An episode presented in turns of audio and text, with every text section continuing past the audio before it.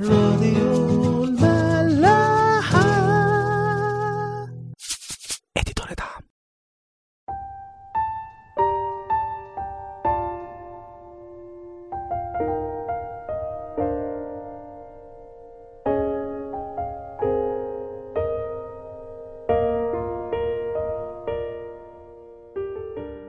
مساء الخير واهلا بيكم في حلقة جديدة من عيش وملح.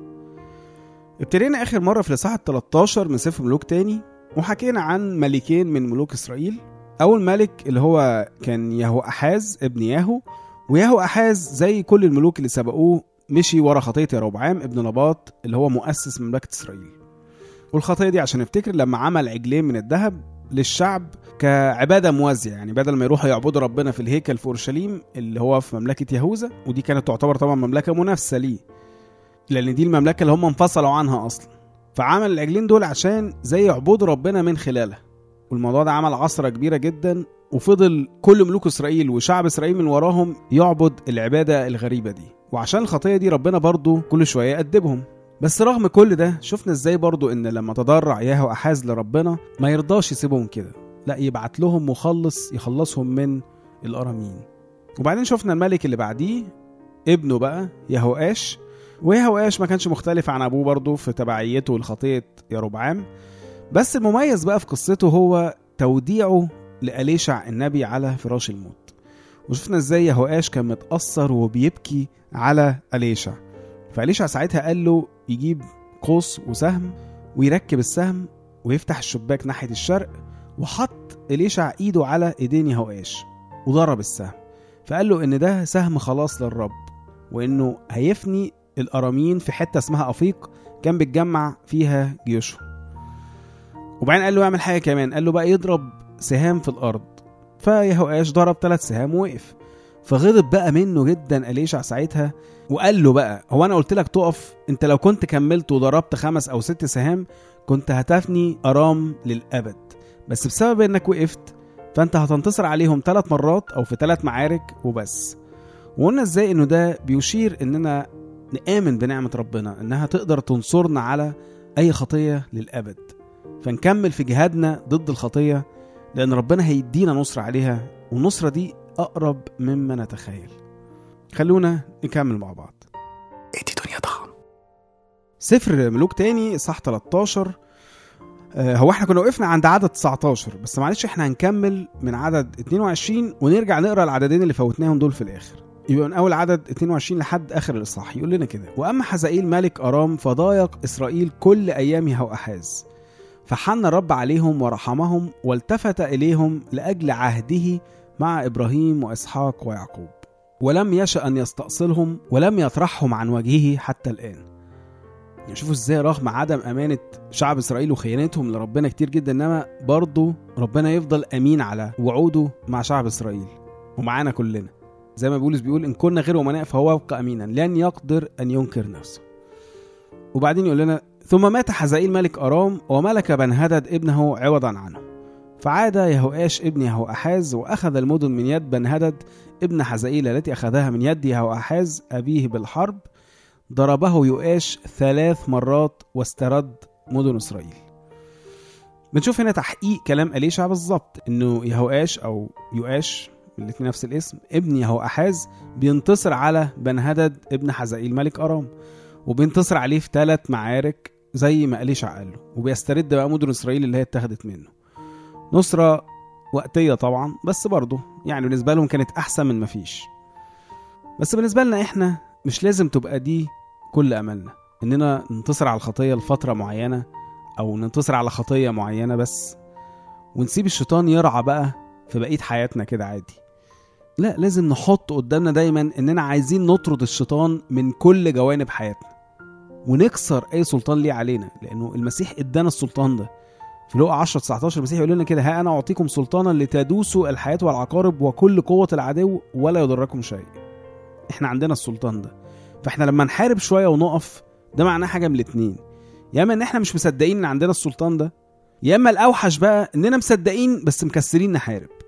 يعني إحنا اتكلمنا المرة اللي فاتت عن الموضوع ده كتير بس حبينا نأكد على الحتة دي برضو عشان مهم قوي لحياتنا. حاجة تانية بقى نلاحظها هنا إن نصرة يهوآش ما جاتش في عهد حزائيل ملك أرام إنما في عهد ابنه بنهدد لو نفتكر بقى حزائيل ده ربنا اللي كان معينه رسمي كده عشان يأدب إسرائيل. هو قال كده الاله في ملوك أول صح 19 إن إليشع النبي وحزائيل ملك أرام وياهو ملك إسرائيل المثلث ده كده هم اللي هيوضبوا إسرائيل هم اللي هيأدبوهم. وإليشع نفسه هو اللي ماسح حزائيل ملك على أرام اللي هي بتحاربهم دي. فبموت حزائيل نقدر نفهم إن ده كان نهاية مرحلة التأديب دي عن طريق أرام. وهنا بقى بنفتكر حاجة مهمة قوي قلناها قبل كده برضه. إنك ما تشغلش بالك قوي لو في أعداء في حياتك أو في حد بيقدرك وقرفك في عيشتك زي ما كان حزائيل كده مقدر شعب إسرائيل. ليه؟ عشان في الأول وفي الآخر إحنا في ايدين ربنا. أي حاجة هو بيسمح بيها في حياتنا فهي في الآخر لمصلحتنا ولتأديبنا. وده الحقيقة اللي بيهم ربنا أكتر وإحنا على الأرض. أكتر من راحتنا الوقتية هنا لا إننا نتوضب ونكون جاهزين للخلاص وإننا نورث بقى الحياة الأبدية. لأن مهما قسينا هنا على الأرض فده مش هيقارن بالمجد اللي هنشوفه فوق. ومش بس فوق كمان لأنه أي حد بيستوعب الكلام ده وبيآمن بيه بيسلم نفسه لإيد ربنا ولما بيعمل كده بيقدر يستقبل سلام وقوة غراب جدا في وسط كل المشاكل والضيقات والأعداء وأي حد يقدرك. كل ده اللي بيسيب نفسه لربنا بيستقبل سلام وقوة تخليه يعدي بالحاجات دي عادي يعني مهما كانت صعبة. لأنه بيبتدي يبص على كل حاجة بيعدي بيها بوجهة نظر تانية خالص مش تصبير وخلاص يعني لأنه لو كده هيجي له وقت وهيتكشف وهينهار. إنما بوجهة نظر حقيقية وجهة نظر ربنا نفسه اللي بيعرفنا بيها دايما روحه اللي جوه كل واحد فينا. وبيعيش فعلا بقى الآية اللي بنقولها كتير قوي في رومية 8 28 ونحن نعلم أن كل الأشياء تعمل معا للخير للذين يحبون الله. ايا كان بقى اللي حوالينا حزائيل آه، عفريت أزرق مش فارقة. كله في الآخر هيعمل معا للخير. هنرجع بقى للآيات اللي إحنا سبناها وخلونا نقراها مع بعض. أعداد 20 21 ومات أليشع فدفنوه؟ وكان غزاة مؤاب تدخل على الأرض عند دخول السنة. يعني واضح إنها عادة عند المؤابيين هم بيخشوا مملكة إسرائيل كل سنة في ميعاد معين غالبا في الربيع عشان إيه؟ ياخدوا الغلة وكده. وفيما كانوا يدفنون رجلا إذا بهم قد رأوا الغزاة. شافوا الغزاة دول بقى داخلين عليهم وهم بيدفنوا الراجل. فطرحوا الرجل في قبر أليشع. رموا الراجل اللي هم كانوا بيدفنوه في القبر بتاع أليشع فلما نزل الرجل ومس عظام أليشع عاش وقام على رجليه. معجزة عظيمة طبعا. ويمكن إحنا شفنا في الكتاب معجزات كتير لإحياء موتى. هي مش كتير قوي هم حوالي مثلا تسع مناسبات في الكتاب كله بيتكلموا عن إقامة موتى سواء في العهد الجديد أو القديم. في العهد الجديد إحنا عارفين معجزات إقامة الموتى على أيدين المسيح وعلى أيدين الرسل. في العهد القديم بقى في ثلاث مواقف أو معجزات يعني إقامة موتى وإحنا كنا حكينا واحدة في حياة إيليا واحدة تانية في حياة أليشع نفسه لما أقام ابن المرأة الشونامية ودي تالت معجزة وآخر معجزة إقامة موتى في العهد القديم كله. المميز بقى في المعجزة دي بالذات يعني إن أليشع ما عملش المعجزة دي وهو حي إنما بعد ما مات. ودي المعجزة الوحيدة اللي في الكتاب كله اللي تبقى القديس أو أي راجل بتاع ربنا يعني من خلال رفاته. يمكن أقرب حاجة كده لما المسيح مات إن في قديسين كانوا ماتوا قاموا من القبور وظهروا في المدينة بتاعت أورشليم. بس دي المعجزة الوحيدة بقى في الكتاب كله اللي تبقى من خلال رفات أو جثمان نبي أو قديس بتاع ربنا. فمن المعجزة دي الكتاب بيحاول يفهمنا حاجتين حلوين قوي. أول حاجة الحاجة الواضحة يعني إزاي ربنا بيكرم قديسيه في حياتهم وفي مماتهم. ويمكن أكتر بعد ما ماتهم كمان عشان يورينا إزاي إن هو دايما في اتصال ما بيننا وما بين اللي انتقلوا دول. لأن هم بقيت أو الإكستنشن يعني بتاع الكنيسة اللي على الأرض دي بيصلوا معانا وبيسندونا وربنا بيعمل من خلالهم برضه. وبيحط لنا بقى في المعجزة دي كذا خط كده تحت موضوع الشفاعة شفاعة القديسين يعني. لأنه طبيعي جدا إذا كنت بثق في صلوات الأحياء اللي تحت الضعف هنا إني أثق أكتر في صلوات القديسين اللي في حضن ربنا. لأن كلنا في الأول وفي الآخر كنيسة واحدة زي ما قلنا. ومش بس بقى من خلال صلواتهم لا من خلال رفات القديسين أو أي حاجة من اثارهم إنجاز التعبير. ليه بقى ربنا بيعمل كده؟ لأن لأجل ضعفنا ولأجل إننا برضه في الجسد وفي عالم مادي فربنا كتير بيحب يتعامل معانا بالشكل المادي ده.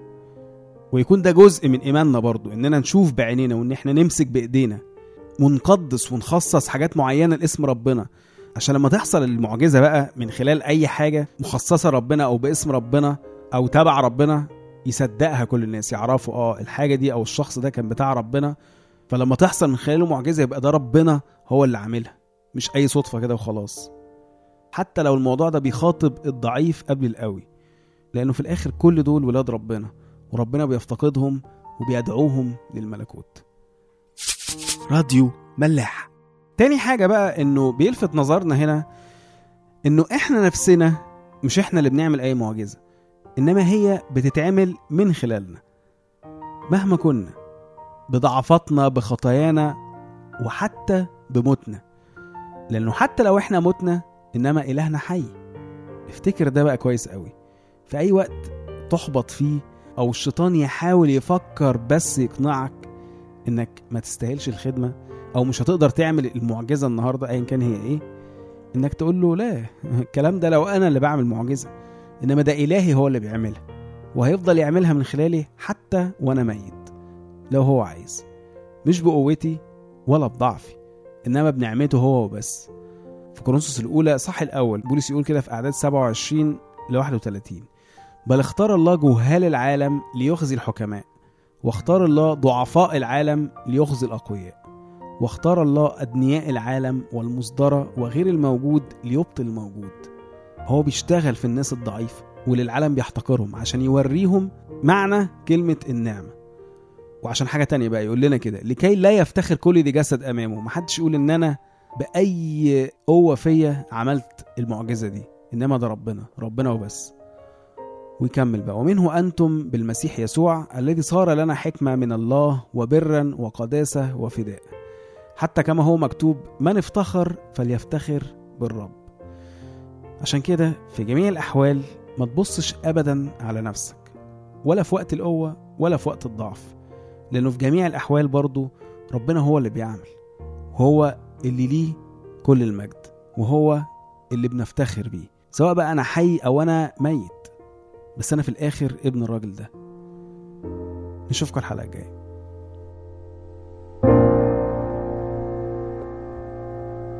راديو